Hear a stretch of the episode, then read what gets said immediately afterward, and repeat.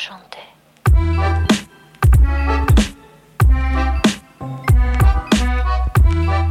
Varmt välkomna ska ni vara till Toto 5. Det är tisdag den 18 april och eh, det är så jävla vind i seglen känner jag. Det är glada miner här i studion när Karl bara studsar in och, och kvittrar som en fågel. Ja men också gått igenom, de sopar ju gatan, jag sa det till dig. Alltså, och jag tänkte så här, men jag går igenom liksom, jag, jag blundar. Men alltså det sprätter i ögonen jag har så ont. Men nu, alltså jag är glad ändå. Hur mår är härligt. kroppen annars? Är du i Jo. matchform? Jag är i matchform, absolut. Nej men fan jag är pigg, jag är glad när jag kommer in här, man tar lite promenad hit, får surra med er. Jag ska ner till den grekiska övärlden snart. Fan, Ja. det lät ju jävligt gött. Det blir ju ett trevligt eh, jobb. Och sen är det Kappa Bar för dig i helgen eh, Robin. Ja, det, där är det ju ingen eh, matchform på, på, på kropp eller någonting i alla fall, men eh, vi ska... Nej det är det inte. Vi ska, vi ska titta fotboll, vi ska prata fotboll, så vid, eh, ja, vad är det, halv åtta-tiden, lördag kväll slår vi upp portarna och då är det ju jag och Petronella på lördag. Och sen ska vi ju härja runt lite överallt i Sverige kommande veckor. Ja, Ja, men fan exakt. Det är tillsammans med Heineken Alkoholfri som vi gör de här tre eventen. Det är Malmö, Örebro, Göteborg. Det är bara att haka på och kolla på sociala med, våra sociala medier så, så hittar ni mer om dem. Hoppas att ni vill komma, det blir trevligt. Det blir lite surr på scen om eh, saker och ting. Jag kan tänka mig att det blir lite Om Rosengård. Eh, jag kan tänka mig att det blir lite VM, eh, lite bland. Kanske lite supporter-snack också Robin, för det, det har ju blåst här i veckan. Nej, det har inte blåst, men vi, vi pratade i Marcus Tapper förra veckan. Pratade upp lite det som händer i, i IFK Norrköping just nu, den kommande säsongen, deras stora bortafölje till Linköping och eh, det eh, problematiska då med att eh, vi, har, vi har svårt att locka publik till våra arenor och hur man kan göra det. Eh, och där går, där går ju några klubbar i bräschen. Hammarby, IFK Norrköping här nu och så ser vi nerifrån kommer IFK Göteborg, division 1 nu, till samma division 1 som eh, Malmö FF. Eh, men det är två, två klubbar som man ser på ganska kort sikt ändå ta sig hela vägen upp till damallsvenskan. Så, så att det, det händer grejer och det är viktigt att prata om och förhoppningsvis kan vi också vara med och, och, och skapa ett intresse och synliggöra och så vidare. Eh, men men eh, jo, eh, Djurgården har inte gått i bräschen i alla fall. De hade 376 eh, på eh, sin senaste match. Finns ju som Hedvig Lindahl skrev eh, också till oss, ett stort intresse såklart och mycket engagemang kring, kring Djurgården generellt och såklart också dam. Men syns inte riktigt på läktarna. Jag har ju en eh, svärfar. Jag har en svärfar. Lät som lät som fler. Hur tänker du nu din jävel? Nu kommer du fram i podden. Barn har jag lite där och här och var, Ja. men eh, bara en svärfar som jag umgås med. Han är djurgårdare och säsongskortsinnehavare sedan långt tillbaka i, i Djurgården och älskar att gå på Stockholms stadion. Så han, han går en hel del på dam och vi ska, vi ska faktiskt gå och kolla på en match tillsammans. För, för att här, när, när Djurgården flyttade så fanns det en USP i bara att dam spelade på Stockholms stadion. Det finns mycket nostalgi, men inte bara nostalgi utan här och nu också en härlig arena Alltså den är på. så härlig, det är ju nice att bara sitta. Alltså, man men älskar ju den arenan. gåshud och ett stenkast från Stureplan och allt det Ja. där, så man kan ha en ganska trevlig dag. Mm. Eh, men, eh, men 376 är ingen imponerande siffra i alla fall. Nej, vad är det högsta vi har haft? Vet någon det senaste åren? Alltså Eh, ja, en men, publikrekordet är ju eh, eh, Bayern AIK va? Eh, 18 732 skulle jag Ja. säga, men någonstans Ja men där jävla omkring. fett ju. Ja det var otroligt, Att jag var på den matchen. Okej. Det, det, där var det uppslutning och nej, det, det, det var körning. Mm. Sen kommer det, det rekordet kommer sannoliken slås framöver också. Vi får ju se vad som händer med den här cupfinalen. Det är bekräftat att den ska spelas på kanalplan. Eh, Bayern vill flytta den till Tele2, men det Mm, fanns såklart. problematiskt, pro, pro, problem med sånt också. Alltså en sak, vi pratade med, med Tapper om det förra veckan, är ju också det här med att matcher läggs samtidigt som herr och sådär. Ja det är ju jävligt dumt Ja, men om man tar Uppsala till exempel så är ju det deras hemmamatch. Och det, eh, det, det, det är Uppsalas hemmamatch, Norrköping borta. Ja, ja, ja. Alltså om Ja. när, när, de- när de tar emot Norrköping. jag. Mm. De har ju ganska mycket att säga till om där också när matchen ska spelas och de kanske inte vill flytta den. Nej, nej såklart. Och sen så har de att förhålla sig till Sirius, även om det inte är samma klubb. Mm. Så, så jag, jag ju pratade nämligen med, med en kompis eh, som, som, som jobbar eh, högt upp och Mm. med de här frågorna delvis också. Att så här, ja, jag förstår vad ni menar, vad han är inne på. Men, men samtidigt så är det så mycket att förhålla sig till för att få ihop det här jävla spelschemat. Och det är inte alltid det blir rätt, det är inte det. Men eh, som sagt, om man tar då Uppsala, ja det kanske var svårt att flytta. Det kanske var svårt att få- till att Norrköping ville spela en annan dag. Men sen landar det ju på Uppsala också, när de vill spela matchen. Ja. Det är de som är hemmalag. Men, men till exempel det här med Tele2, där kan man ju säga dels att det vore typ sämre för att man vill ju ha en inramning Mm. och då är det liksom mycket större och sånt. Men samtidigt så här, det är också en känsla att vara på en sån stor arena. Man kan liksom gå dit, köpa lite öl, alltså det, det blir lite happening runt det. Mm. kan Så man göra på kanalplan också? kan man det? Ja, ja, för fan. Starköl? Nej. det kan man inte på Tele2 heller. Äh, ja, och VIP-lounge tror jag, äh, alltså om det går. Sånt där är ju viktigt ändå. Liksom. Ja, Vad ja. fan. Var, var, var, var du på norra i helgen eller? Eh, nej, jag körde ju då Östra. Ah, okej. Ja. Jag har fan blivit för gammal för eh, norra, kan man säga så? Ja, alltså på alla bortamatcher så åker jag ju på, alltså då står man ju i klacken. ja, så är det. Men annars gillar man ju att sitta liksom Ja. där uppe och det Vi får åka finns på till mat. West Lounge, och... vi hade riktigt bra helg. Ja, värst vad ni är sugna på att prata herrfotboll just denna, Ah, denna nej, vecka. sorry, det var inte så sorry, mycket sorry. förra Jag bara veckan. kolla med du att jag bara, kolla, kolla status där. Eh, men, men jag skulle komma någonstans med allt det här. Eh, jag vet, jo, men med kanalplan som du sa, alltså det blir en inramning där. Ja, Jag vet inte om ni såg eh, bilderna, men, men det som händer runt om. Alltså när kanalplan fylls, de säljer biljetter som är typ slänten. mm.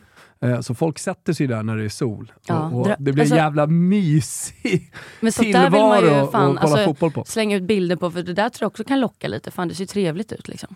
Ja, ja men eh, folk har med sig Men- picknickfilten typ och sitter, men så, så ja. Men vad säger du när, när ni är på liksom, dammatcher? Alltså, Ja. Hur är känslorna? För jag upplever ju de dammatcherna jag har gått på, helt ärligt, att det är lite för mycket kafferepkänsla. Det är därför jag har uppskattat att vara på R-fotbollen ofta, Ja. för att det är liksom, "Ugh!" man blir så jävla arg. Och jag älskar när spelarna blir sura och det är, fan tränare blir jag utvisade. och liksom, Ja, "Ugh!" nej, jag, jag tror, liksom jag tror definitivt att det är kaffemassarin, eh, inte bara i pausen, på många eh, da, Nej, och det kanske inte är något fel i och för sig, men jag tycker ändå, vad fan. Ja, men lite sång och lite känslor vill man ju såklart ha, självklart. Eh, men eh, tar du då, eh, nu har jag inte varit på Kristianstad eh, så, så jag vet inte, men, Nej. men jag, bara, jag bara gissar. IFK Ja. Kalmar eller.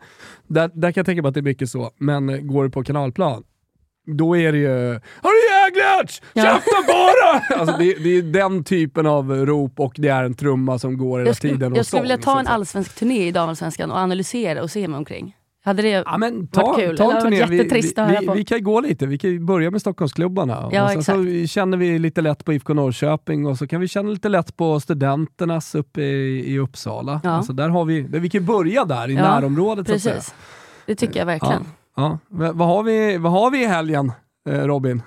vad vi har i helgen. Jag har inte ens eh, blickat framåt det. Jag är så inne i eh, Nej! Champions, eh, Champions League-avgörandet lördag och söndag och allt det Ja, vi vi ska kan plocka ner på Kappa Bar. Så allsvenskan kommer få vila för min del till helgen faktiskt.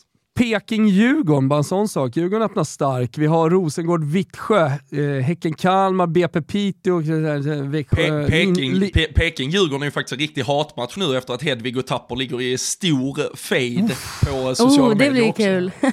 Du, du har ju. Och så Linköping-Bajen också. Eh, där, där har vi någonting. Ja, det finns lite att ta i här. Toppmatch eh, i den här allsvenskan, eh, sett till eh, tabellen där Linköping ligger tvåa just nu. Eh, tillsammans med IFK Norrköping på sju poäng. Hammarby i topp! Ska vi ta det rakt upp och ner sådär? 10-1 i målskillnad, eh, ytterligare en stor seger. Visserligen enkel start då. Vittsjö är väl inte enkla på det sättet, men annars en, en tämligen Eh, ja, men lättare, lite lättare spelschema från, eh, för, för Hammarby inledningsvis här, eller hur? Nej men det jag tycker att de eh, gör egentligen i de två första matcherna som, eh, som du säger, alltså, där är det ju snarare att de visar sin Ja, men sin tyngd och att där eh, finns någon eh, lärdom från fjolåret kring att man inte kan slarva bort onödiga poäng utan man behöver göra jobbet. Det kommer inte alltid liksom vara uh, så här klacksparksbajen utan uh, ibland måste du också bara ut där, göra det, lösa de tre poängen och uh, det är väl två 2-0 vinster de två första utan att det sprakar kring det. Sen som du säger, sen nu i helgen så får man ju samtidigt då islossning. Visst, det är ett Växjö som, eh, som ibland kanske kan vara lite naivt i sitt sätt. De vill ju så att säga spela fotboll och eh, när du, när du möter ett då så pass mycket bättre Hammarby så kanske du blottas lite för det. Sen är det dessutom ett par, väl eh, två hörnor som i stort sett går direkt i mål, så du får ju en del gratis också. Men sen, sen är det lite, ja, men det är lite cirkusnummer från eh, Maika Hamano och vi har en vinberg som, som dunkar in den från typ halva plan och det, det är lite ett Bayern som, som lever ut ändå. Då har de dessutom möjlighet att ha ja, men spelare som Vilde Hasund eh, på bänken, det, kan, eh, det är lite olika spelare som noteras för målen. Det är, ja, men det är ett Bayern det, det sprakar om jag tycker just det här att det då man kan vinna på olika sätt. Det visar att det är ett mognare Bayern den här säsongen än vad vi, vad vi kanske hade för. De var kanske inte helt redo, men jag tycker man ser nu liksom med, med ett mittfält, de har fått in Julia Roddar, det är ännu mer erfarenhet, mm. John Andersson är med redan från start den här säsongen, Cooney Cross blir bara bättre och bättre, vi har pratat om Hamano och hennes äh, spetsegenskaper som finns där. Det, ja, men det är det ett Hammarby som, som det... ser riktigt, riktigt bra ut.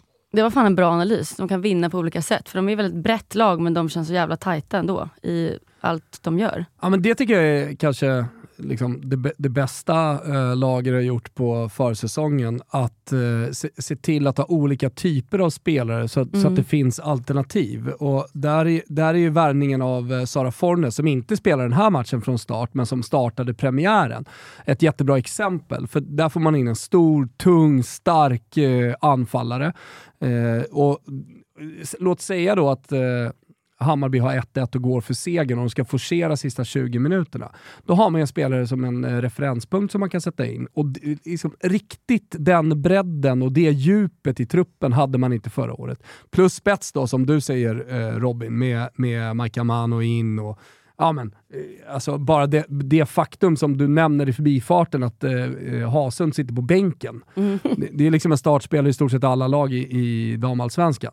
Eh, det säger Jävla någonting om konkurrensen också. Nu fick Emma Westin chansen till, till, till höger i den här matchen eh, till exempel.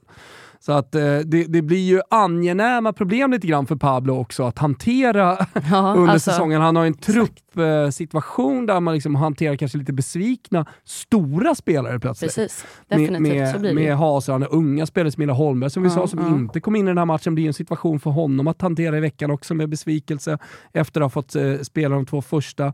Så att, eh, ja, det, det, det, det, kräver ju en del av ledarskapet tänker jag också. Eh, ja, när, gud, när alltså, jag har tänkt på det senaste nu. Dels med Nej men det är sån jävla press på dem. Och typ nu mm. Rosengård, antar jag att vi går in på, som mm. har kickat sin tränare. Alltså vilken jävla press. För att allsvenskan har inte hållit på länge. Men när det blir liksom en rättförsbacke neråt mm. så blir man sparkad. Alltså du har inte så jävla många... Du har inte så lång tid på dig att det ska gå dåligt innan det smäller. Nej. Och den pressen att sitta med, oj oj oj. För att hon kom ju in 2021 eh, och har liksom varit jätteduktig och skitbra och nu har det hänt något. Och jag har också kollat, så att de har inte, det är inte som att de har gjort om hela sitt lag. Nej. Eller Rosengård. Alltså, men, ah, bara press. Alltså, jag hade haft krypgråten varje natt om jag var tränare. Ja, nej, men, eh, och, ni som inte har koll på det, så hade de ju Piteå hemma. Och jag menar, så här, Piteå borta, tuff bortamatch. Jag köper ett, eh, ett kryss i en sån match. Men det var missräkning. Det var 1-1. Eh, sen så förlorar man klart mot Linköping som på förhand är en titelkonkurrent. 4-1 borta, så rejäl torsk. Och sen så då förlust mot Djurgården mm. som någonstans är, en bortamatch mot Djurgården är väl någonstans i Vittsjö, Piteå-klassen. Det är en tuff bortamatch. Eh, men att följa, följa upp eh, då den svaga inledningen med det, stå på en poäng eh, nere i botten efter tre matcher det är åtta poäng redan upp då till, till Hammarby och många poäng som ska tas igen. Ingenting är omöjligt eh, och sådär, men Nej, det börjar, börjar lukta lite kört för Rosengård ja, efter tre matcher. Det, det, som, det. det som är, jag vet inte om vi ska kalla det unikt, men här, med, med tanke på att E eller VM ligger ganska sent i sommar, så slutet av juli, augusti, så spelar man ju en väldigt lång vårsäsong. Jag tror det är 17 omgångar som spelas fram till uppehållet, där du kanske annars ja, normalt det kanske är 10, 12, 13, alltså då kan du omgruppera under sommaren och så kanske du kan komma väldigt starkt under hösten, det kan lösa ganska mycket under hösten. Nu måste, och det är ju det som är Hammarbys stora vinst, det som verkligen är Rosengårds stora förlust, det är ju att den här starten och vad du presterar nu redan här de kommande veckorna kommer ett intensivt spelschema också det kommer att avgöra så extremt mycket av den här säsongen. Så jag tror det är därför dels eh, jag menar, att Rosengård tvingas till det här ganska snabba beslutet. Jag tror inte man hade gjort det om man hade känt att vårsäsongen var så att säga kortare, men det är ganska långt, det är mycket matcher som ska spelas. Men eh, det är också det jag tycker visar på, och jag tror också att det kommer göra Pablos arbete lite lättare i Hammarby, för han kommer tvingas till att, alltså att ha den här truppredden och kunna rotera kommer göra dem riktigt jävla slagkraftiga under vårsäsongen och fram till mästerskapet. Det är som du säger, det är 17 omgångar fram till den 7 juli, så det är, det är extremt intensivt här nu framåt. Och eh, det, det, det gäller ju att inte tappa så mycket mark. Jag vet att man jublade i Hammarby-led när, när man såg eh, spelschemat. Just för, problemet förra året var ju att man gjorde en stark eh, höst. Och man tog igen mycket, man höll på när man vann mot eh, Rosengård och gjorde bra matcher mot Linköping. Och så. Då, då, då höll man ju på att äta ikapp eh, lite, lite eh, tappad mark då från, från våren, men man orkade inte riktigt hela vägen in. Alltså får man en flygande start, eller får man den? Nu har man ju fått det. Eh, men låt säga att man skulle vinna mot Linköping i helgen på bortaplan. Jag menar, ja, då, är det så mycket självförtroende i truppen också. Men det är det, det ligger psykologiskt också. Alltså ja. Rosengård är ju, ja fy fas. Då gäller det nu också, när man ska åka på, gäller ju Linköping också. Alltså den här matchen mot Hammarby, eftersom de har två, två poäng upp. Eh, säger inte att ett kryss, att Linköping skulle vara nöjda med ett kryss hemma mot Hammarby. Men, men det är ju inget jättedåligt resultat för, för Linköping trots allt ändå, om man behåller avståndet så att inte Hammarby flyger iväg ytterligare. För ja, som sagt, vinner man den då skulle man kunna gå fem poäng ner till Linköping som är den närmsta konkurrenten just nu och som jag ser utmanare. Ska vi eh, liksom räkna bort då lite Rosengård nu? Ja. Eh, självklart slarvigt och de kan ta tillbaka det, men jag tror att folk förstår vad jag menar. Ja. Eh, då, IFK Norrköping kommer inte slåss om SM-guld, alltså, även om de är där uppe just nu. Mm ja, då, då, då är det kanske fem poäng ner till den närmsta konkurrenten. Du har Kristianstad såklart också då. Fina Kristianstad. Ja, exakt. Ja, Ditt lag. Också. Äh, som står på sex poäng med en torsk eh, eh i, i inledningen. Häck, eh, och sen, eh, ja, det, det, blir väl då kanske Häcken som är, blir en stark, att det blir Hammarby-Häcken som går, för, äh, går, går, går en, en kamp om SM-guldet. Ja. Ja, nej, vi får se. Men jag tycker... alltså, nu, nu, nu, är det, nu, är det liksom, nu dras det stora växlar på tre omgångar i inledningen och Hammarby har haft en lätt eh, Men allt kan ju hända, start. Alltså, det vet man ju. Ja. Det kan ju bli hipp eller Men eh, Häcken gör det bra igår, Robin.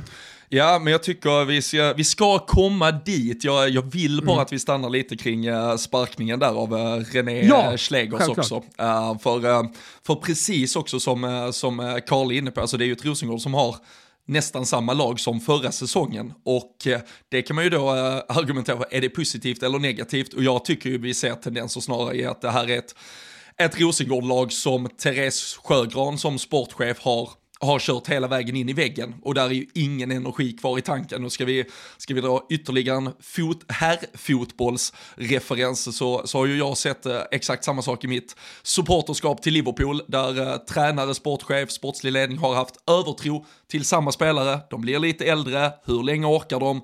Och eh, sen är tanken tom helt plötsligt och det kan man väl tycka att en sportchef ska se tidigare, det ska göras förändringar, man vinner 2021, man vinner 2022, men vi har också pratat om att många vinster har kommit ja, men på ett 1-0 mål på grund av att man har visat tyngd. Alltså det var länge sedan vi såg att det sprakade om Rosengård och eh, nu tycker jag vi ser att eh, Ja, men att det på många håll, nu har vi dessutom en Caroline Seger som ser ut att missa hela vårsäsongen igen eftersom hon drog på sig den här skadan under landslagssamlingen det, är för många spelare som inte har energin i det där laget och då, nu, nu vet inte jag om det är Sjögrans beslut, om det är styrelsebeslut, om pengarna inte räcker till, eller om det är René Slegers som menar som tränare att hon har haft bästa tänkbara lag och att eh, det här borde kunna vara görbart ändå. Men eh, det Ja, att eh, som sagt med, med det här eh, fönstret bakom sig, alltså vad har vi, det är Emma Jansson in typ, alltså det, det har inte hänt mycket och Emma Jansson har inte fått jättemycket speltid heller så jag vet inte hur mycket Slegers verkligen liksom har, har sett henne som någon som skulle gå in och göra enorm skillnad i det här laget. Så det känns som ett Rosengård som Ja, det är fler än äh, Slegers i alla fall som äh, måste äh, se sig själv i spegeln lite kring vad man gav det för förutsättningar inför säsongen. Men vad, hur ser du Rosengård ta hand om det här framåt då? Hur, hur, hur, vad tror du att det kommer ge för effekter att byta tränare nu efter tre omgångar? Ja men nu får vi ju se, alltså det, den första kommunikationen i alla fall eh, när vi sitter här tisdag morgon är ju att det är uh, Joel Schetzelberg, uh, assisterande, mm, som tar assisterande. över. Och alltså då samtidigt såvida han inte står och uppfinner hjul vid sidan av planen så, så har vi ju sett i, i, i flera andra lag, både på herr och dam, när det är assisterande som ändå varit inne i verksamheten som går in. Det är inte, det är inte alltid du får någon enorm effekt, ofta vill man ju snarare kanske ha den här nya rösten, skaka liv i saker och ting. Sen finns det ju ja, en grundkvalitet i det här Rosengård som absolut gör att de från ingenstans kan börja vinna överlag. Men det är nog ett Rosengård som om när de blickar mot sommaren och, och framåt snarare behöver bygga om lite. För det är många spelare som är på gränsen till för gamla. Och när vi sitter och pratar om många andra lag som vi nämner Bayern, vi ser ett, eh, mm. ett Linköping som släpper fram ganska mycket ungdomlig entusiasm i offensiven. Vi har ett Häcken som vi kan komma till som verkligen gör det. Så, så har ju Rosengård varit det här ja, men gamla tunga mästarlaget som har byggt det på all rutin de har haft. Men det är nog dags för Rosengård att skaka liv i det här lite. Ja, eh, och jag menar vi har återkommit till det och det är inte konstigt att vi återkommer till det heller. Men eh, det faktum att Malmö kommer nerifrån och, och ja, eh, alltså de, de resurserna de kommer komma upp till eh, damallsvenskan med, de, de, är ju, de är ju såklart otroliga. Och de kan ju, de kan ju lägga hur mycket pengar de vill egentligen i, i damfotboll mått mätt eh, när de kommer upp. Utan det, det, är liksom, det är de själva som sätter sina begränsningar lite grann på vad de ska värva in och vad de kan ta. Men, men vad jag hör och, och det, det rykte som går och sett till också vad de har gjort så här långt med mer eller mindre heltidsanställda spelare, i, några stycken i division 1, så, så kommer inte den satsningen avstanna när de väl, när de väl är uppe i damallsvenskan, utan de vill väl göra ett avtryck direkt. Plus då den stora satsningen på flickfotbollen och akademin som de har. Ja. Så att, eh, 7-1 ja. mot uh, Örgryte i uh, hemmapremiären i helgen också, så uh, tryckt dit båda Göteborgslagen. Först IFK Göteborg borta i premiären. Och sen ja, hur gick den? Va, va, hur slutade, hur slutade Eh, hur slutade matchen mot IFK Göteborg? 3-1 seger på bortaplan och så nu 7-1 seger ja. hemma mot Örgryte. Ja, så det, ja, det ser ju ut som det har gjort eh, tidigare för eh, Malmö. Mm. ÖIS trummar på ändå där i division 1. Gör de det?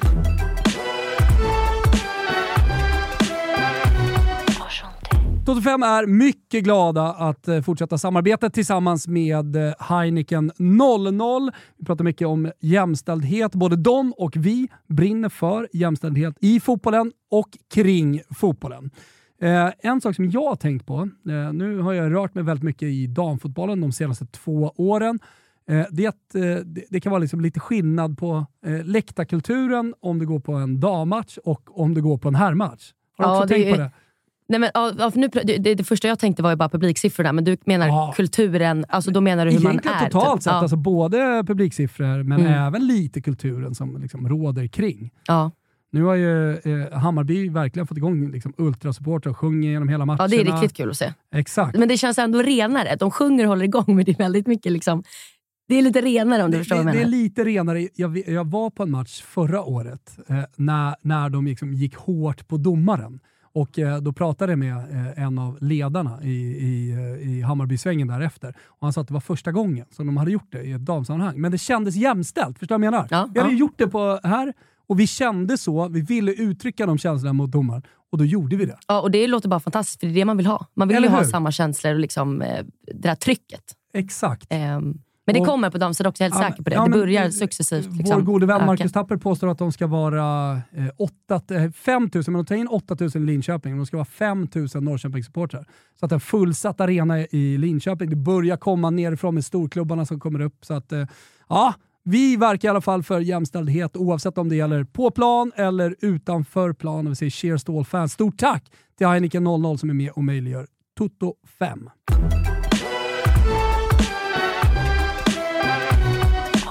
Eh, annars då från, eh, från, från allsvenskan, eh, resultat som sticker ut. Alltså, hur, hur mycket allvar ska vi ta Djurgården på som vinner hemma över Rosengård? Eller möter de bara ett dåligt Rosengård? Alltså mycket dåligt Rosengård, för Rosengård var ju inte jättebra. Jag tycker att de ser ut att bara inte...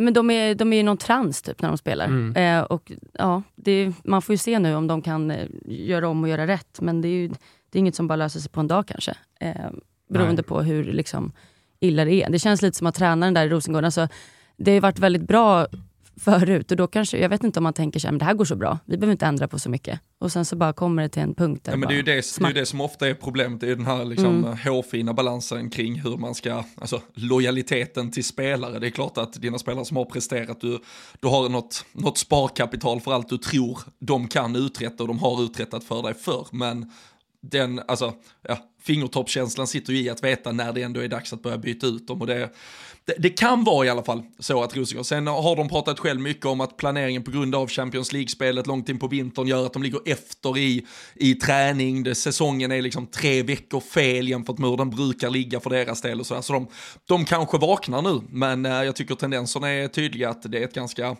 äh, segt Rosengård. Ja, det ser så ut, men eh, det kan vända. Vi får se. Vi, får, följa med och kolla. Jag, men jag är helt övertygad om att eh, Rosengård inte kommer att eh, liksom ligga i botten den här säsongen. De bara så åker det kommer ut. inte fortsätta. utan det, det, det, är klart att de kommer tillbaka. Jag menar, man ser ju klass i den här matchen också. Eh, alltså Olivia Skog som, eh, jo, som, som gör mål. Och, menar, Emilia Larsson, eh, Emma Jansson som har kommit in, okej okay, det kanske inte är den yttersta spetsen i damallsvenskan men det breddar ändå, det breddar ändå truppen. Uh, så, så, att, um, ja. En sak som skaver lite och det, det, är ju hur mycket Caroline Seger har gjort. Alltså hennes impact på det laget över mm. tid. Uh, och det faktum att man, man saknar henne och har saknat henne mycket. Hur, hur, stora konsekvenser det kommer få. Och hur tänker man inför sommaren då? Och vilka typer av spelare man, man, skulle kunna ta in. Hon känns ju också som en spelare som är lite oersättlig också. Det går, det går, det går, det går inte bara hitta en Caroline Seger Eh, Nej, och, då, sådär. och då får du tänka dig ett Rosengård som förra sommaren släppte Jelena Cankovic till, eh, till Chelsea. Alltså det är ju två, alltså, det är två fotbollsspelare och kreatörer på ett mittfält, även om Seger kanske är lite mer uh, sittande i den rollen. Men det är ändå passningsspelare av yppersta världsklass som kan dels ja, men, dominera ett mittfält och diktera ett speltempo. Där, eh, där saknas det jättemycket i det här Rosengårdslaget och på samma sätt som svenska landslaget kämpar med att hitta en tillräckligt bra ersättare för seger så, så är det klart att hoppet ner i, i, Mal, eller i Rosengårds hierarkin där till en mittfältsersättare det, det är ju jätte, jättestort och äh, det kommer vara en nöt för dem att knäcka men det, det är ju dags att hitta lösningen vi kommer inte bara lämna damallsvenskan och, och prata kring det utan att nämna Kristianstad eh, som har en viss spelare som eh, ser ut att ha inlett den här säsongen på bästa sätt. Nej men uh, precis, uh, Evelyn Viens uh, igen nu. hon, alltså förra säsongen gör hon ju 21 mål, 10 assist på 26 matcher. Vi, vi pratade ju först om att hon, hon är väl en av de här spelarna som är på gränsen till att egentligen vara för bra för damallsvenskan. Bara 26 bara också. njuta så länge vi har henne kvar. Men uh, eh, 4 plus 2 nu på tre matcher efter uh, hattrick senast här. Och uh, det, det, är ju ja, men ett par liksom, klassiska så här, anfallsmål. Hon, hon kan ju göra mål på alla sätt och vis, men där är ju ett inspel, 4-0 målet, inspel från höger som hon uh, snyggt möter, klackar in och ja, men hon, är, hon är en nivå över alla andra och sitter Karle och funderar på att klicka hem Kristianstad tror jag, så är det väl bara att sätta Viens på ryggen känns det som ja. i alla fall. Gillar uttalet där, Karle också. Eh, funkar. Jag tror han, jag tror han sa Kalle först. Karle. Eh, nej men, eh, härligt då, vi stänger ner allsvenskan lite om det inte är något annat som eh, ni, ni vill ta upp från eh, det som har hänt. Vår gumma Mykato mål igen för Norrköping, även om det bara blev 2-2. Men uh, vi, vi noterar och vi, uh, vi följer henne. Fortsätter att leverera. 2-2 blev det, precis som du säger, mot uh, Uppsala på Studenternas. en trots allt bra prestation kan jag tänka mig för Norrköping. Alltså, de har två, två segrar, får ett kryss. De, de ligger under den här matchen, kommer tillbaka och kvitterar med 10 minuter kvar ordinarie tid. Så det, det, det, är ändå, jag, jag, kan tänka mig att de åker hem till Peking och är ganska nöjda. nöjda. Tror du det? Jo, mycket jo. nöjda. Mm. Eh, internationell fotboll då? Det har ju spelats en del. Det var FA-cupen i, i England i helgen Robin.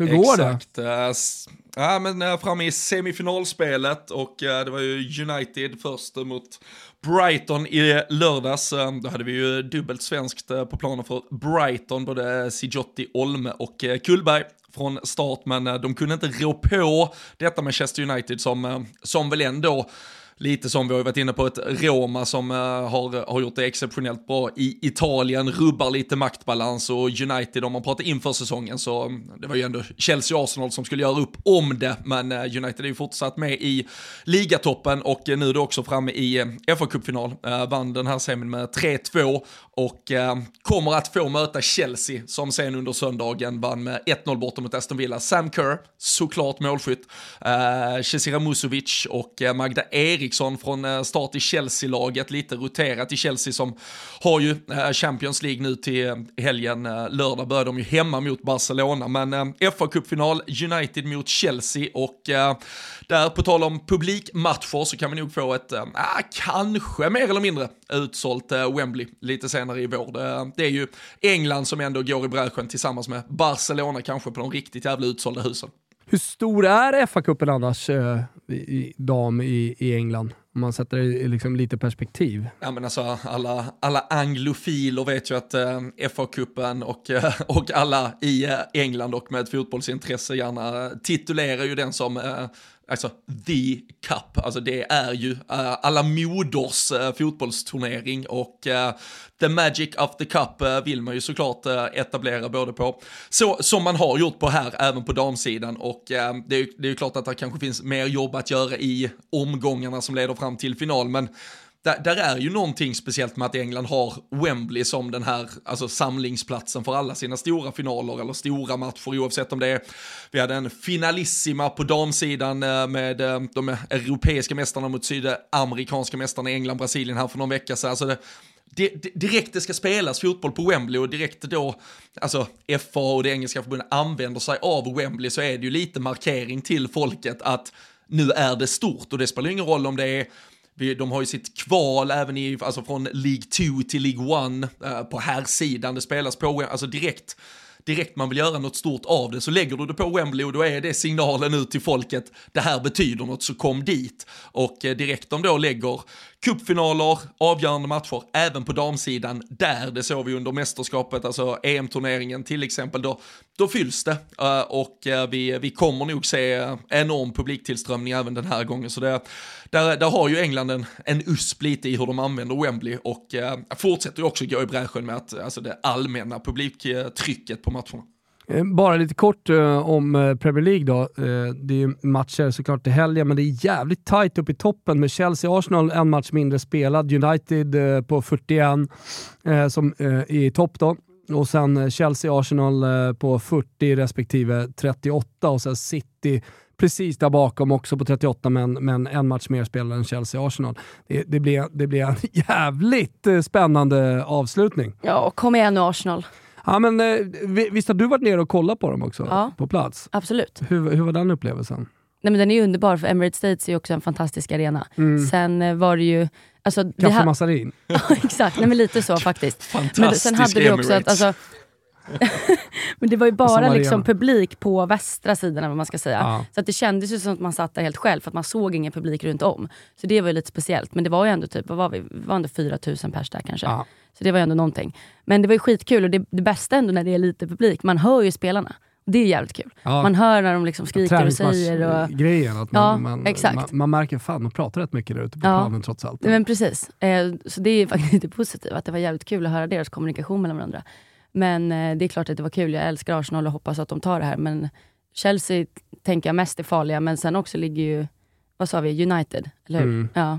Nej, det kommer. United i topp. Nej, det blir en, det blir en uh, jävla uh, run-in uh, i, i ligaavgörandet och där kan man ju, på tal om Arsenal, på tal om publik och så, här, så Arsenal skickade ut på sina sociala medier, de möter ju Wolfsburg i, i Champions League semifinalen Exakt. och spelar ju returmatchen, avgörande matchen på hemmaplan, hemma på Emirates. Så där skickade de ut, för tio år sedan, 2013, hade de också Wolfsburg i en då, Champions League semifinal kom det mm. 1406 personer på matchen. I uh, skrivande stund, talande stund så är det sålt över 45 000 biljetter till den här returen. Uh, så det säger väl lite om vad som har hänt ändå. på tio år inom damfotbollen också. Alltså ah. fatta att det liksom är mer än vad vi får på en liksom allsvensk herrmatch när det liksom är typ asstor match. Ja, men, verkligen, och, och det, det, är ju de stora matcherna som de lyckas locka till. Du ja. pratade om Wembley där tidigare. Då, är det en match som spelas där, ja, men då, då strömmar man dit. Roma hade 40 000, de spelade på Olympic. Man, man, man, kan ju, man lyckas ju kraftsamla. Sen är det ju då det här ligalunket, att man går varje helg. Där har man inte fått en rutin eh, som är så utbredd. Men däremot så växer det ju hela tiden och det växer ju med att damfotbollen växer och det växer också med att produkten blir bättre. Och med bättre menar jag snabbare, mer teknisk. Eh, alltså de spelarna som kommer uppifrån Nämnde vi ens Felicia Schröder nu eh, ja, i, nej, i, i, nej, det gjorde vi fan inte. Nej, men det, det skulle vi kunna göra nu. Hon är alltså född 07. Ja. Eh, också en spelare som är inte uppvuxen i, i, i liksom en stor klubb utan ute på Björke ja. utanför Göteborg, i Göteborgs eh, närskärgård. Uh, jag var faktiskt på Björke i somras. När det var Gothia Cup så bodde jag där för jag har min gode Men det är ju jävligt mysigt. Uh, jätte, jättefint och, och sådär, men, men jag gick runt där för då, då pratade jag en del om... Du tänkte här föds det inga fotbollsproffs, tänkte du? Nej, jag, exakt. Pratade, pratade med en kompis från Göteborg där, eh, om eh, eh, Björke. Och då sa han, men fan, en, en av de största talangerna, 07 kommer från Björke och liksom spelade, spelade typ division 2 med, med Björke förra året. Men det är sjukt, där måste de verkligen sett hennes potential då. För att som vi nämnde här så går hon ju in och gör, jag tror att det är eh, i 86 minuten hon kommer in mm. och gör ett jävla mål. För hennes första liksom, match för A-laget. Exakt. Uh, och, uh, spela, nej, men hon spelade, hon spelade alltså Sanktan med Björke, typ division 1, division ah, 2, alltså, alltså så med 0708 förra året. Smack. Och här kliver hon in och, och debuterar i Allsvenskan med att göra mål direkt. Nu ska man inte skapa världens största hype, men nej, jag älskar men spelartypen. Extremt genombrottsstark. Mm. Och, ja, jag, jag, vet inte, jag har en förbläss för den typen av spelare som liksom, ja, kan, kan, kan gå igenom på, på egen hand.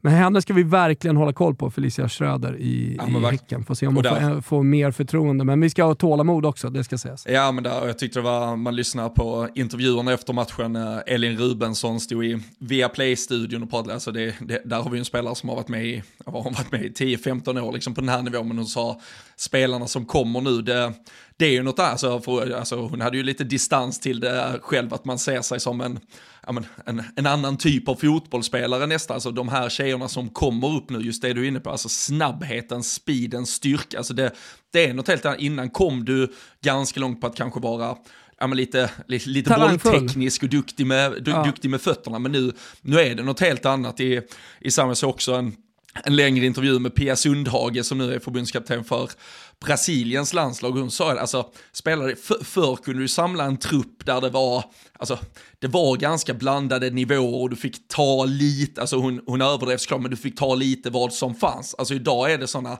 jävla krav på varenda spelare, varenda spelare ligger liksom på maxnivå vad gäller styrka, snabbhet, acceleration, uh, alla de här delarna och det det kommer ju dels gör det ju, alltså det blir en bättre fotboll, det blir en häftigare fotboll, men det kommer också smitta av sig till att det blir ett, tror jag då, ett större publik, alltså när du får den farten ute på planen. Så det, nej, vi, är, vi är på väg mot, uh, mot nya tider. Ja, sannerligen. Uh, eh, och så får Felicia Schröder och alla andra unga spelare som uh, nu gör debut och, och kommer upp i, i damallsvenskan uh, vara bevisen på att vi är på väg ditåt. Hörni, det är tajt annars i vissa ligor. Vi pratade om eh, Premier League, men även i tyska ligan. Eh, där är en poäng mellan eh, Bayern München och Wolfsburg. Svårt att sia om vem Har de lika många det. spelade också? De har lika många ja. spelade. Ja, ja sen, sen var det ju där emot en, eh, en jävla demolering i. Det var ju cup-semifinaler i, eh, i Tyskland under helgen och eh, Wolfsburg slaktade ju Bayern med 5-0 borta. Så jag vet inte om det ger oss en fingervisning vart, vart det ska avslutas under vårsäsongen också. Men Wolfsburg, alltså där otrolig jävla offensiv våld nu. Rebecka Blomqvist pratade vi om förra veckan, hon kommer bara in och gör en, en tio minuter här för det är ju en alltså, jävla konkurrens med, de har ju Alexandra Popp, de har uh, Eva Pajor, Svenja Hutt, Julle Brand, alltså det är uh, Jons Dottir, gamla isländskan på tal om Kristianstad och vi snackade väl upp Just henne det. i ett Tutski-avsnitt inför Islands EM förra sommaren också och uh, hon gjorde väl två av målen mot Bayern men, men det är Wolfsburg med den här här jävla håll käften-insatsen mot Bayern har den i Men alltså, ryggen alltså inför Arsenal i Champions League nu. Så det är, ja, Arsenal är varnade av vad som kommer. Annars verkar mycket vara avgjort i Spanien som alltid är avgjort innan säsongen eh, ens drar igång och Barcelona fortsätter bara liksom pumpa på. Eh, det är ju Champions League som är det stora målet för dem. Jag tror att de grämdes ganska mycket över att de inte lyckades vinna eh, för, för ett år sedan. Men i den italienska ligan, där ser det också ut att vara avgjort med Roma i toppen, åtta poäng före Juventus och höll på att bli ännu fler poäng ner till Juventus för Fiorentina Ja, men de bet i mot ärkerivalen och eh, ledde med 3-0 om man trodde efter 45 minuter. Att, ja, men det, här är, det här är såklart klart. Men eh, 45 plus 3, Där började vändningen. Alltså det är ju surt att släppa in. Har man 3-0 Nej, men det är helt... och så släpper man in med halvlekens sista spark, ja men då fick de ju ändå tro såklart och Mm. kunde gå in och eh, prata om heroes i, eh, i omklädningsrummet inför, inför en annan. Och, och de vänder ju på det. 82, 82 minuter, då eh, gör eh, Julia Grosso kanadicken eh, 4-3 för Juventus och eh, det blir Juventus-seger. Otroligt. Det är som en jävla hockeymatch man tittar på då. Alltså, för Ja. det är sällan det blir sådär i fotboll. Ja, det är väldigt sant. Ja, Eh, men det, ja. ja. eh, du, får, eh, du får ha kvartssamtal nere på, eh, på träningsanläggningen Thomas. Det är 3-0 eh, ledning mot eh, rivalen och Ja, eh, okej, alltså. vika in det på det här sättet. Det är eh, svaga pannben i eh, lila. Eh, ja, verkligen. Men du Robin, ingenting kan ju stoppa Roma va? De vinner 6-1 borta mot Inter och eh, ja, jag vet inte vad som ska stoppa dem. Nej, det, det kommer, eh, som du sa, åtta poäng visserligen, men det, det är absolut avgjort eh, skulle jag tro. Och eh, alltså 6-1 bra, och just också sättet de Ja, men alltså, de, de fick ju hela den här flygande hypen i, eh, i Champions League och du var inne på hemmamötet mot Barcelona, 40 000 på läktarna och sen när de väl åker till bortamötet så, så visar ju såklart Barcelona en kvalitetsskillnad och det skulle ju kunna vara lite nedslående kanske för Roma och något, ja men så här, om det skulle börja få dem att tänka på saker var man egentligen är och så vidare, men att då komma tillbaka hem till ligaspelet och eh, bygga vidare på allt det man har lagt grunden för under hela säsongen. Det, det tycker jag ändå visar på en jävla styrka i det Roma-laget. Så eh, alltså 6-1 borta mot Inter, det, eh, det är också en jävla håll käften-insats. Så eh, jag tror absolut att vi delar ut scudetton i Rom om några veckor.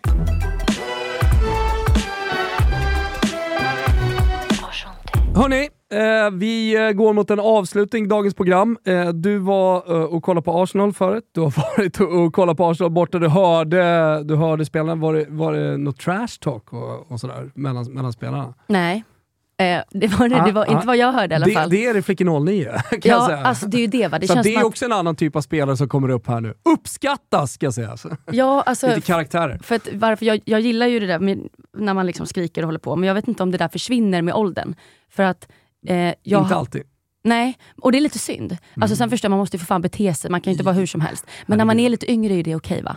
Ja. Och när jag, alltså, jag har ju roliga hyss alltså, att berätta. Jag, alltså, listan är lång på vad jag har gjort när jag var liten, men jag tänker När att du spelar i Sollentuna. ja, kan inte jag få dra tre Har för er? Ja, det, Och så får ni gärna- rösta på vilken som är värst. Ja, det, det får du gärna göra, men alltså, var, var, det så, var det mycket vinnarskalle i Ja, det? ja, absolut. Eller? Och dålig okej. förlorare extremt. Alltså nu på äldre dagar har jag blivit en ganska bra förlorare och bra vinnare skulle jag säga. Bra kanske vi inte ska säga, men det blivit bättre. Jag blev bättre. men för att jag vill, nu kommer folk kanske tro att jag är helt knäpp, men det här var ju... Jag, Vilket du är. jag var väl, ja, men, men jag var 11 år, Nej, men jag, jag är för känslor och sånt. Sen behöver man ju inte vara dum, Nej. men det var jag nog ibland. ja. Men jag har valt ut tre för jag tänker så att det här, det här är lite milt. Kan vi, Topp tre eh, så men vi- störda hyss som du Ja, har hållit på med när du var 11 år. Ja, exakt. Ja, det gillar jag. Jag gillar men- direktsegmentet. ja, men det här är kul och vi kan ha det här, det kan dyka in ibland för jag, Ja. listan är lång som sagt. Men, Är våld inblandat i det här också? ja, men lite. Nej, men det finns en sak som har att göra med att man är lite fysisk. Ja. Men annars så är det mest att jag bara är osportslig eller Okej. har liksom sagt något dumt till en Jag vill domare. ha Typ. topp tre Karlehyss. Ja, men vi börjar lite lugnt då. Eh, då var det, eh, för, för, ofta när man spelar i den åldern så hade vi... återkommande hyss? Eh, nej. Det kunde vara olika, Jo, ofta det- olika. Ja, eh, ofta Ja, olika, precis. Gillar att vi benämner det som hyss också. Det Ja. låter så... Det, det låter väldigt det eh, snett en- och Nedtonat. väldigt oskyldigt. Ja. Men det, Ja, jag, men det är jag det- att det är värre Men det är det än så. det är när man är, nej, men det är, det det är när man är 11 år. Nej, men jag kanske, det här kanske inte är så allvarligt, men nu börjar vi då. Ja. Eh, framförallt när man var typ 11 år där så var det ofta lite yngre domare, kommer jag ihåg. Alltså det var typ så här, mm, unga killar som hade en extra jobb. Men Exakt. sen plötsligt då så spelade vi någon 11 match och då var det en sån här stor gubbe som var domare liksom, med shorts och riktig, riktig domare. Ja, är så här riktiga domarkläder på sig. ja, men- nej, men ni vet, det var liksom inga mjukisar. Annars, Alltså, annars gick de här yngre domarna gick alltid runt i ett par mjukisbyxor, Exakt, så hade de eh, fått en eh, Ja. domartröja av farsan. Alltså Sänkt ribban för seriös domare att han har shorts på sig. Nej, men det, det, Ja, men jag tycker fan fattar. att det, det är ett tecken på att okej, här är en domare som vill någonting. Ja, han här, var tar sitt, han tar han sitt man. jobb på Ja. allvar. Och han var så ståtlust och läskig var han också direkt. Man märkte liksom att det här är inte någon man leker med. Men jag tyckte han var så jävla dålig. Eh, och, och då var det inga linjedomare heller. Nej. Så då, då minns jag att jag skriker till honom, skaffa linjedomare din jävla idiot. Och det Bra. kanske är ganska lugnt, Ja. men det var, jag fick ju gult kort och han Hur blev så var förbannad. 11 år, eller om jag var 10. Det var något sånt där. Och jag använde inte, alltså jag skulle aldrig... Jag, Blåste han offside på dig eller? Eller var det på en medspelare? Du bara tröttnade på hans Nej, det var att jag hade närkamp och, och, och, och de fick inkast. Det var fan inte jag som var sist på bollen. Alltså jag kan bli Nej. upprörd när jag liksom Jaha, pratar om det. okej. För det var mycket på spel, det var lite kvar av matchen. Och det kanske är, jag vet inte, säger man sånt till domare när man, alltså brukar, brukar man kanske gör det? Folk, folk, säger värre saker till domare idag skulle jag säga, men eh, Ja, fast på, Ja, på, om du säger att du var 11 så kan jag säga att eh, det är inte jätte... Alltså du, det klagas ju på domare eh, Ja. i flickfotboll, definitivt. Eller klagas, det är mer “hallå, va- varför då?” eller sådär. Men det, det är nog sällan någon skriker “jävla idiot”. Ja. Alltså där ligger du nog i någon där slags toppskikt på vad man som 11-åring Men där säger rann till det domare. bara över tror jag. Ja. För att, alltså, Ja, men jag, ibland rinner det över. nej, men jag, tror, Det är jag, minns, känslor. ja, jag kommer ihåg att jag bara blev så här, jag ville gråta liksom. Ja. Ehm, Alltså gråtskrika, det är ju med om lite titt som tätt. Ja. alltså. Eh, det, men det var ju dåligt såklart, det- så gör man Det inte. är var och varannan match. Det jag ju. gråtskrik och sådär. Ja. Ja, men, men, eh, men eh, det blir värre, tror jag. Okej, nummer två då. Eh, då var det en tjej som, som jag br- bråkade mycket med på planen. Hon var liksom extremt hård i närkamper. Och vid något tillfälle så sa Ja, hon... ni möttes ofta eller? Ja, jag, Spelade i... Bele? Barkarby. Bele Barkarby. ja. Alltså du vet så. Bele. Eh, men sen Gustens efter, lag också, så det, det, ja, det gillar man inte. Men sen efter matcherna så kunde vi alltid kramas om och sånt där, även fast det var väldigt hett på planen, minns jag. Men hon gick ofta in i grova närkamper med mig och jag var ändå ganska biffig skulle jag vilja säga själv. Eh, så vi hamnade ofta i närkamper och sånt där. Och vid något tillfälle så sa hon Åh, jag vill ha gris till mig, typ, eller något sånt där. gris, typ. Så då när domaren inte tittar, då får jag läge, då drar jag ner henne i hästsvansen. Är det så? Jag tar tag i hennes hästsvans och, ryck, och rycker till. Ja, det är rött kort. Men jag fick inget kort. Ja, Och hon drogs inte ner på marken, ska Nej, jag för inte säga. domaren såg inte. Va, Nej. men vad, hur reagerar hon då? Nej, alltså hon tog det jättebra. Alltså jag ska säga också att det var ett... hon bara, Jag ska ja, det säga är också att det Så, var- hade, du- hade, hade, hade du gjort det där på några av mina tjejer, då hade du åkt i backen. Jo, jag alltså. vet, Ja. jag vet. Men det, nu, nu låter det som att jag liksom har misshandlat henne ner på marken. Alltså jag tog tag i tofsen och ryckte lite sådär, ni vet. Men jag, jag, alltså av den, eh, alltså, samma kategori då som jag har varit med om nu, Ja. alltså bara för, för att eh, jämföra lite, frispark till eh, eh, motståndarlaget och sen så korsas då eh, vår back och den spelaren som har ramlat. Ja. Och eh, då sparkar hon eh, alltså krokben, alltså bakifrån. Pam! Ja, Eh, så att det är väl ungefär samma kategori. jävlar. ja absolut. Ja. Psykbryt, tappar precis. lite och sådär. Men nu ja. låter jag verkligen som en helt galen person. Men jag var väl, men ja. Men i alla fall, sen så tredje grejen då, det Jag är lite mer osportsligt bara. Ja. Och det är att jag var lagkapten och vi spelade en cupfinal. Det står alltså mellan guld och silver. Då är det liksom riktigt viktigt att Var det en bra cup eller? Minns Jag minns inte kuppen, men det Mm. var, någon, det var någon mindre cup, det var inte Gothia Cup. Liksom. Nej.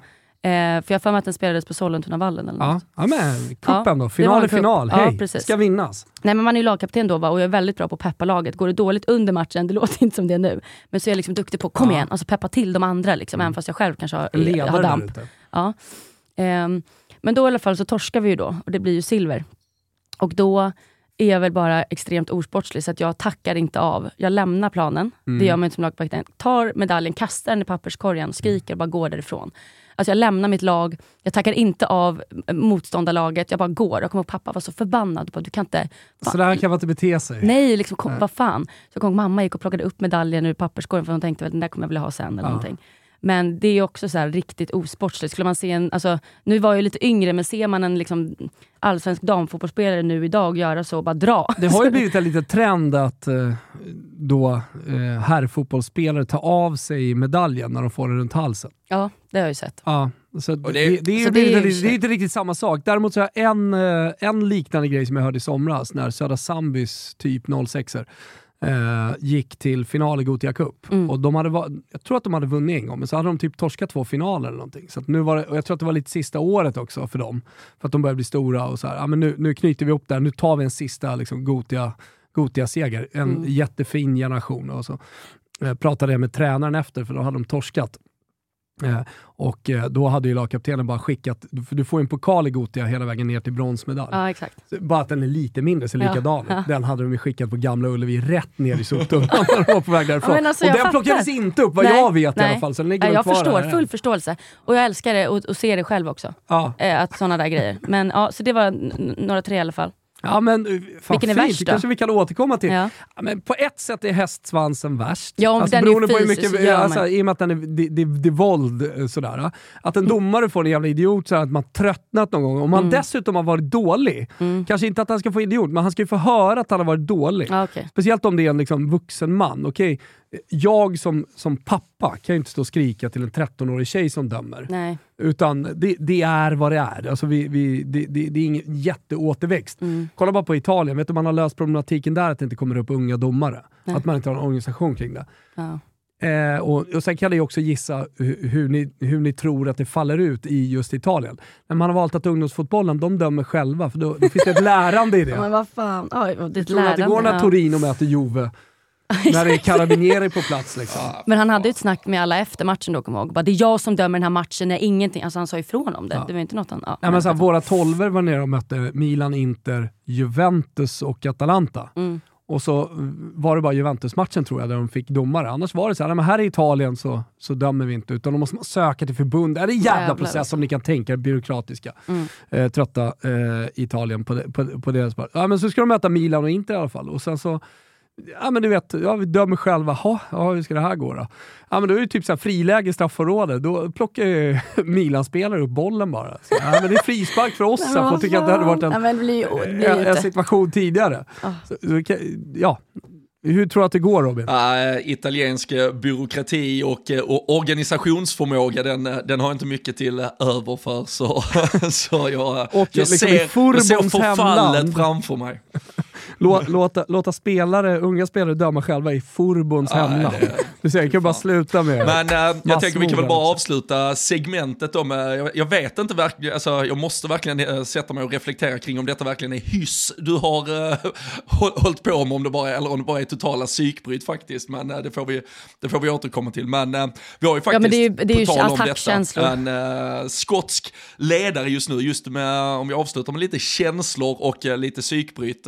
Craig McPherson i uh, Rangers. Uh, det är ju som vanligt då Glasgow-lagen Rangers Celtic, men så har de faktiskt också Glasgow FC som ligger i toppen av den skotska ligan. Och um, Craig McPherson då, tränare i Rangers, nyss avstängd sex matcher för att han skallade Celtic-tränaren Fran Alonso efter senaste derbyt. Så du är inte ensam om lite psykbryt, Karl i alla fall, utan Nej. det, det sprids det där ute ja. i fotbollen.